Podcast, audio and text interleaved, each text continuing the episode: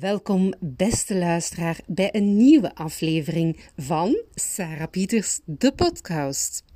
In deze aflevering wil ik het met jou hebben over regels. En ik stel me luid op de vraag: moeten er nog meer regels zijn?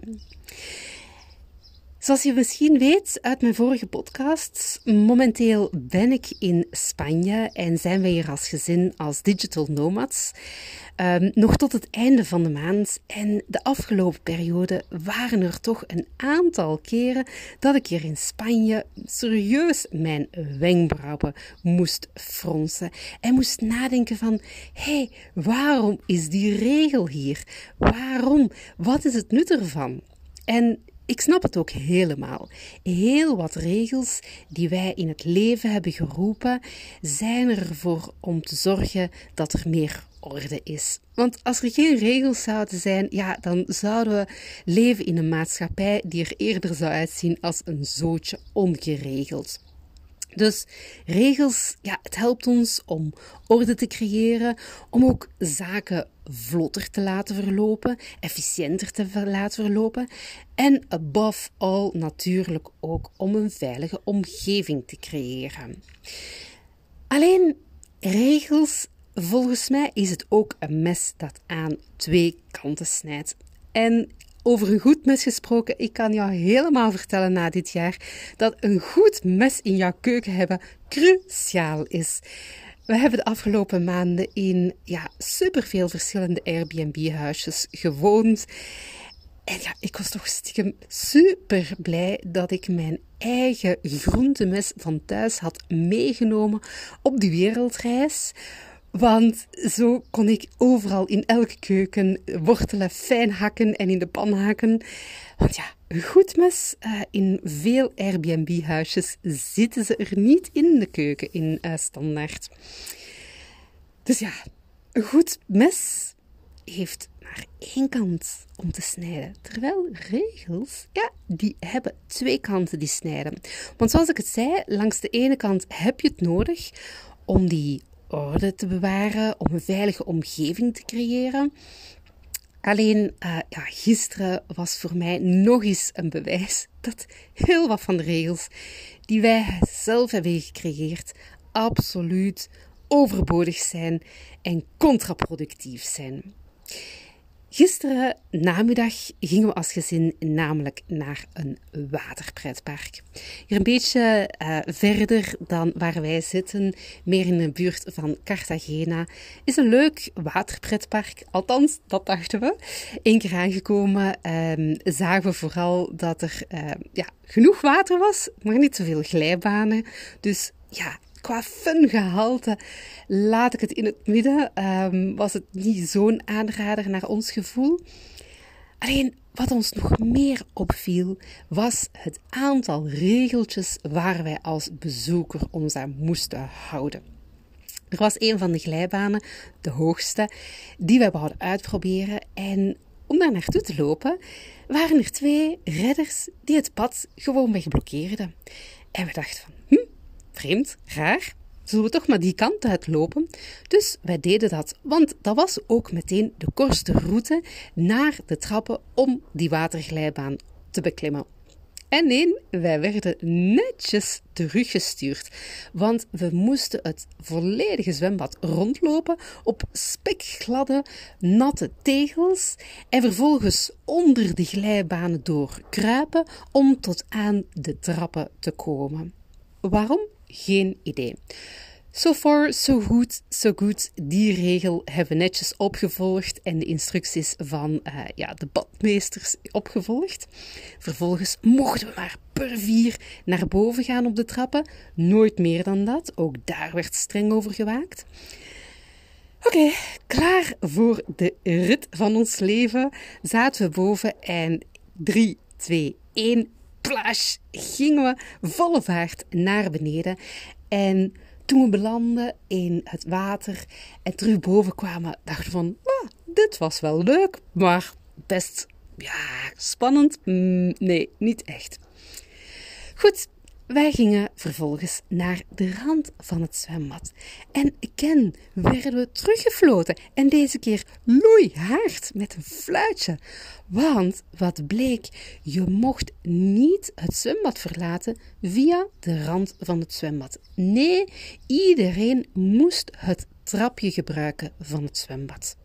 En dat vond ik toch heel, heel vreemd. Ik begreep er niets van. Dus ik sprak de badmeester aan. En ik vroeg haar: ja, waarom is die regel er? Waarom moeten we allemaal het trapje nemen? En haar eerlijke antwoord was: I have no idea. En ik had zoiets van: oké, maar je hebt zelf geen idee. Waarom moet ik dan een regel volgen waarvan je zelf geen idee hebt wat het nut ervan is? En een beetje flapuit als ik ben op sommige momenten, zei ik daar: People, they don't think anymore. En ze bekeek mij en zei: Yes, I think so. En mijn ja, voorbeeld, mijn kleine anekdote die ik met jou wou delen, waarbij ik oprecht de vraag stelde van, moeten er nog regels zijn? Ik denk in dit soort van contexten dat heel wat van die regels ja, gewoonweg geen nut hebben. Dat ze soms misschien met een juiste intentie ooit bedacht zijn geweest, maar vervolgens een eigen ja, geschiedenis zijn gaan leiden, waardoor ze vandaag de dag totaal niet meer nuttig, bruikbaar zijn en gewoonweg ook contraproductief en ja, gewoonweg tegenwerken. Um, maar zoals ik zei, regels, het is een mes dat langs twee kanten snijdt. Want in sommige situaties denk ik echt dat we regels nodig hebben. Um, en laat me dat eventjes verklaren. Als ik denk aan een workshop, als ik een workshop faciliteer, begin ik de dag altijd met ook het delen van een aantal regels, een aantal zaken waaraan ik graag wil dat de groep zich houdt. Bijvoorbeeld geen gsm's gebruiken tijdens de workshop of open communicatie en oprecht naar elkaar luisteren. Het zijn regels die ik heel duidelijk communiceer met de groep, omdat ik weet dat ze ervoor zorgen dat ze een veilige ja, omgeving creëren. En dat ze mij helpen een, ja, een omgeving, een sfeer te creëren waarin mensen ideeën durven op tafel te leggen, durven hun mening te uiten en er ook voor zorgen dat ja, iedereen zich prettig voelt om bij te dragen aan een succesvolle workshop. Dus ja, als ik het heb over workshops faciliteren, dan zijn regels mijn beste maatje. En zoals tijdens workshops gebruik ik regels ook om mijn doel te bewaken. Bijvoorbeeld bij een brainstorm. Een brainstorm is voor mij ingedeeld in drie duidelijk ja, verschillende stappen. De stap van het idee genereren, idee selecteren en ideeën uitwerken. In, en in elk van die stappen gebruik ik nog eens aparte regels die ik de groep meegeef om ervoor te zorgen dat het doel dat we in die fase willen bereiken echt behaald wordt. Zo is er één heel duidelijke regel bij het idee genereren dat alle ideeën opgeschreven moeten worden. Ook de gekke, de naïeve ideeën. Want alle ideeën zijn waardevol. En dat is een van de belangrijke regels die ik heb in die eerste fase van het brainstormen. En zo heb ik verschillende regeltjes waar ik van verwacht dat deelnemers zich ja, min of meer gaan houden tijdens elk van die verschillende fases van een brainstorm, om zo ervoor te zorgen dat we samen naar een goed resultaat toewerken. Dus ja, voor mij regels um, in heel wat situaties, en zeker in workshops, zijn ze voor mij super waardevol. Alleen, wat maakt het verschil dat dat soort regels wel ja, waardevol zijn en dat regeltjes, zoals in dat waterpretpark, dat, het, dat ik als anekdote gaf, totaal niet nuttig zijn? Wel, het zit hem allemaal in nut. Hoe nuttig is een bepaalde regel. Draagt die bij tot het behalen van een bepaald doel? Zorgt die voor het creëren van een veilige omgeving bijvoorbeeld? Of zorgt die ervoor dat dingen vlotter verlopen? Ja of nee? En ja, ik wil nog twee anekdotes graag met jou delen om aan te halen dat heel wat van de regels die wij hebben uitgevonden echt uw nut voorbij schieten. Echt helemaal nutteloos zijn. Um, again, naar dat waterpretpark. Um, want wat was er nog? Dat er um, ja, naast dat waterpretpark, je mag bijvoorbeeld in het diepe zwembad niet duiken. Want oh wee, je zou maar eens met je hoofd de bodem kunnen raken. En ik, regeltjes, ik merk het ook hier in het Airbnb-huisje waar we zitten. We zitten hier op een heel groot domein met heel wat huisjes en elke ja, een beetje compound heeft zijn eigen zwembad. Heel leuk en aardig. En als je hier het domein binnenrijdt, is er een verificatie van elke auto die binnenrijdt dagelijks. Dus daar is al een eerste check van de mensen die binnenkomen, mogen die hier op het domein vertoeven, ja of nee? En dan is er nog een tweede check. En die is aan het zwembad. Want om in het zwembad te mogen vertoeven, moet je een armbandje dragen. En dagelijks wordt daar zeker drie, soms wel vier of vijf keren op gecontroleerd. En als je, oh weet, dat armbandje bent vergeten aan te doen in jouw haast om ja, helemaal bezweet in het verfrissende water te kunnen duiken, dan word je er gewoonweg ongenadeloos uitgeplukt en terug naar jouw appartement gestuurd om dat armbandje te gaan halen. En ja, ergens snap ik het wel. Natuurlijk wil je niet ongevraagd gasten in dat zwembad hebben. Natuurlijk wil je ervoor zorgen dat de mensen die in het zwembad hier zitten, dat dat enkel mensen zijn die daar recht op hebben, die daarvoor betaald hebben of zoiets. Alleen, waarom is er de check dan aan de ingang als je met de auto het domein binnenrijdt? I don't get it. Waarom heb je die dubbele verificatie nodig? Je hebt al gecontroleerd wie er op het domein gewoonweg rondloopt. Waarom dan nog vier, vijf keer per dag elk zwembad? En ik kan je zeggen, hier op het domein zijn zeker tien, misschien wel twaalf zwembaden. Waarom moet je die allemaal nog eens vier, vijf keer per dag gaan controleren? Of dat iedereen in het zwembad dat armbandje draagt? Wat is het net?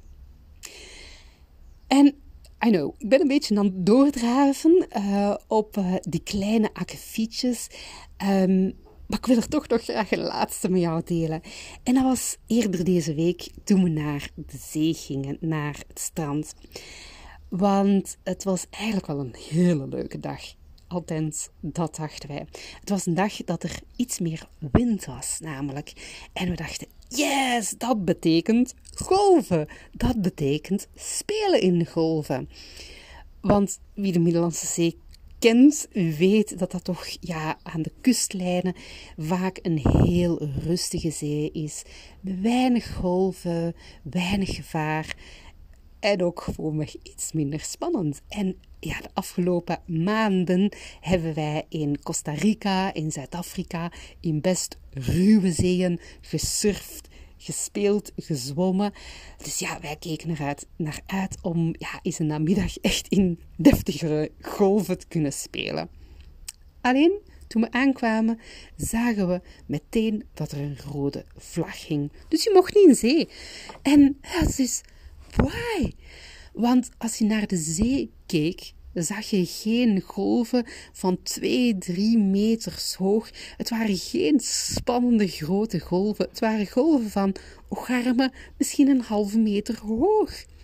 En bovendien was er ook nog eens wind die van de zee landinwaarts waaide.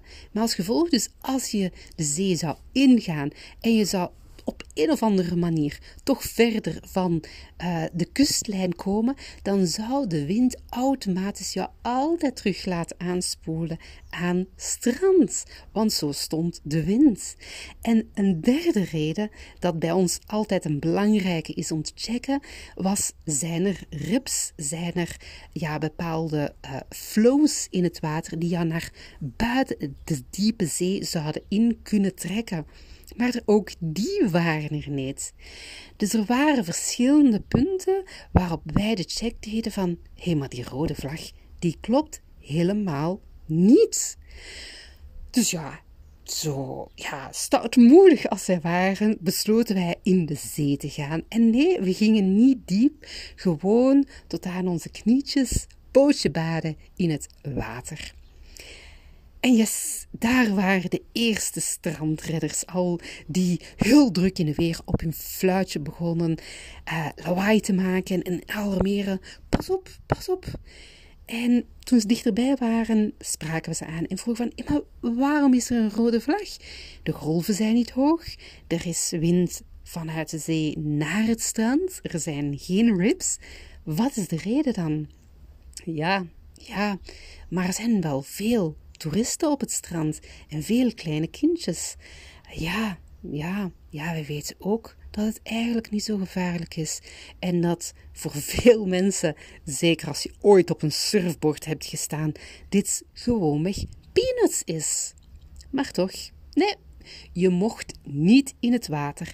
En tot aan de knie was zelfs op het randje voor hen wat geoorloofd was. En eerlijk gezegd, ik denk dat dat ook weer een mooi voorbeeld is van wat is het nut. En natuurlijk kan ik begrijpen dat als er heel veel toeristen zijn, ook veel kleine kinderen, dat je een veilige omgeving wil creëren. Je wil niet dat zo'n kleine patotter in de zee belandt en helemaal als een wasmachine wordt weggedraaid in een golf. Maar de kans daarop was echt klein, believe me. Eerlijk gezegd denk ik dat er hier zelfs nog iets anders aan de hand was. En dat was angst. Angst voor wat die golf teweeg zou kunnen brengen. Want ik denk dat die golven van nog geen halve meter hoog fun vooral zouden kunnen meebrengen. Fun. En ja, ik ben iemand die echt houdt van het water het plezier die een golf kan geven. Ik zie dat niet alleen bij mezelf of bij mijn kinderen. Ik zie dat bij iedereen. Iedereen die zich waagt aan golven om daarin te spelen, ontdekt enorm veel plezier. Het plezier van loslaten, van gedijen met de zee, genieten van de kracht van het water de hardheid en tegelijk de zachtheid van het water. En die angst voor plezier te maken, ja, dat brengt me meteen naar bedrijfscontext en naar mijn verhaal van zezelen, van innoveren. Want eerlijk gezegd, ik denk dat we allemaal in elk bedrijf, in elke situatie, nog te veel vasthouden aan geschreven, aan ongeschreven regels, wetten, aan assumpties, aan patronen, aan overtuigingen, aan allerlei regels die ons niet dienen, die ons beperken. En vooral uit angst om plezier te ervaren, angst om joy te ervaren angst om ja, ergens de vaste patronen los te laten. De patronen die ons zekerheid bieden, die we kennen en die voor ons vertrouwd zijn. En dat vind ik oh zo jammer. En daarom ben ik zo'n grote voorstander om ja, nog meer regels af te schaffen, om regels te doorbreken, om regels aan de kaak te stellen en te zoeken van, is deze nuttig? Wat levert die op? Waarom moeten we daaraan vasthouden? en vaker te zeggen: voert die regel. Mogen we aan de kant schuiven? Die regel mogen we echt overtreden met grote, vette voetstappen. Dus ja, ik wil je tot slot drie ja, manieren geven of drie insteken geven om wat vaker regels, wetten, assumpties, die geschreven en die ongeschreven regels aan de kant schuiven en te durven, ja, fun te ervaren, plezier te ervaren. Een eerste hele belangrijke. Ga voor jouzelf op zoek wat de grenzen, grenzen zijn van jouw comfortzone. Ga dat opzoeken. Want aan de grenzen van jouw comfortzone ga je de assumpties, die wetten, die regels en die patronen terugvinden waar jij jouzelf aan vasthoudt. Aan ja, die grenzen van de comfortzone van jouw bedrijf ga je terugvinden aan welke assumpties er leven binnen jouw bedrijf, binnen jouw sector, die jou eigenlijk niet meer dienen. Die ooit zijn uitgevonden, maar die dat je terecht aan de kaak mag gaan slaan en mag gaan voelen van, klopt dat hier nog wel? Is dat nog wel juist? Dus durf die grenzen van jouw comfortzone echt te gaan zoeken. En te gaan zoeken van, waar houdt mijn comfortzone op? En waarom is dat precies dat die daar op, ophoudt? En vervolgens, als je dat hebt gedaan, dan verwacht ik van jou niet dat je een mega grote sprong out of your comfortzone neemt. Nee, ga dan vooral kleine stapjes zetten. Kleine stapjes uit jouw comfortzone. Een keer een stapje vooruit, een keer een stapje links, een keer een stapje rechts.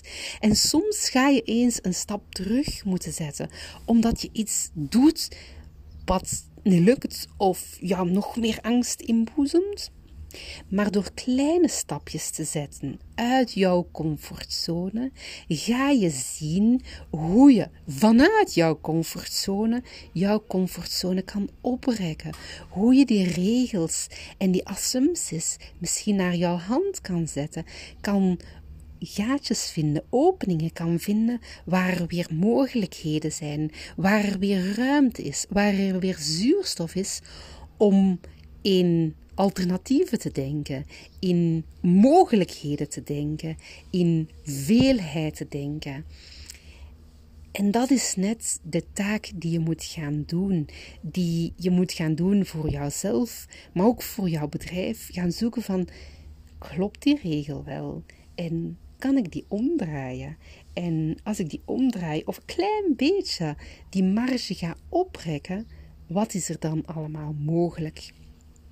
En door die kleine stapjes te zetten, ga je dus jouw comfortzone oprekken. En vervolgens ga je ontdekken dat die eerste zone waar je doorheen moet na het verlaten van jouw comfortzone geen fearzone is. Want wie misschien het plaatje kent van de comfortzone, vervolgens de fearzone, de learning zone en de growth zone, ik denk eerlijk gezegd dat dat plaatje fout is. Volgens mij benoemen we vaak die tweede fase of die tweede cirkel rond onze comfortzone de fearzone. Maar ik wil hem heel graag samen met jou omdopen tot de funzone. De funzone waar je in flow mag zijn, waar je mag experimenteren, waar het verkeerd mag gaan, maar waar dat je ook heel veel joy kan ervaren, plezier kan ervaren, adrenaline mag ervaren, spanning mag ervaren. En dat is zo gigantisch leuk. En ik denk oprecht, ik meen oprecht, dat we die funzone veel meer mogen omarmen binnen onze bedrijven. Dat we de fun factor echt mogen gaan opzoeken. We mogen ja, veel vaker op tafel gaan springen, een dansje gaan doen, gek doen, het, het vrolijke, het kleurrijke gaan opzoeken. Want als we dat durven te doen, dan gaan we automatisch ook ontdekken hoe we van daaruit kunnen leren en kunnen groeien. En dat is wat ik jou zo hard toewens. Niet meer regels, maar net meer, minder regels. En als er zijn, betere regels. Dus ja, wat wil ik jou meegeven vooral? Durf jouw grenzen van jouw comfortzone op te zoeken. Zoek waar de regels zijn, de assumpties zijn, de wetten zijn, de patronen zijn, waaraan jij jou telkens aan vasthoudt. Durf te gaan onderzoeken hoe dat je die kan gaan opruiken, oprekken, waar dat de openingen zijn, hoe dat je die groter kan maken en durf vervolgens kleine stapjes te zetten buiten jouw comfortzone, om zo die comfortzone steeds groter en groter te maken en zo te ontdekken waar jouw funzone zit. De zone waar dat jij zoveel plezier mag ervaren, zal ervaren ben heel benieuwd hoe jij hiermee aan de slag gaat. Welke regels jij ook zo nutteloos vindt. Of jij ook degene bent die heel graag regels aan de kaak stelt. Regels durft te overtreden. Regels aan de kant durft te schuiven. Laat het mij zeker weten. En laat mij ook vooral weten wanneer jij jouw funzone hebt bereikt. Wanneer jij hebt ontdekt dat naast die comfortzone er geen fearzone is, maar alleen maar joy en fun en plezier. Heel veel succes daarmee en super bedankt om alweer te luisteren naar een nieuwe aflevering van Sarah Pieters, de podcast. Tot een volgende keer en nog een hele fijne dag. Dag!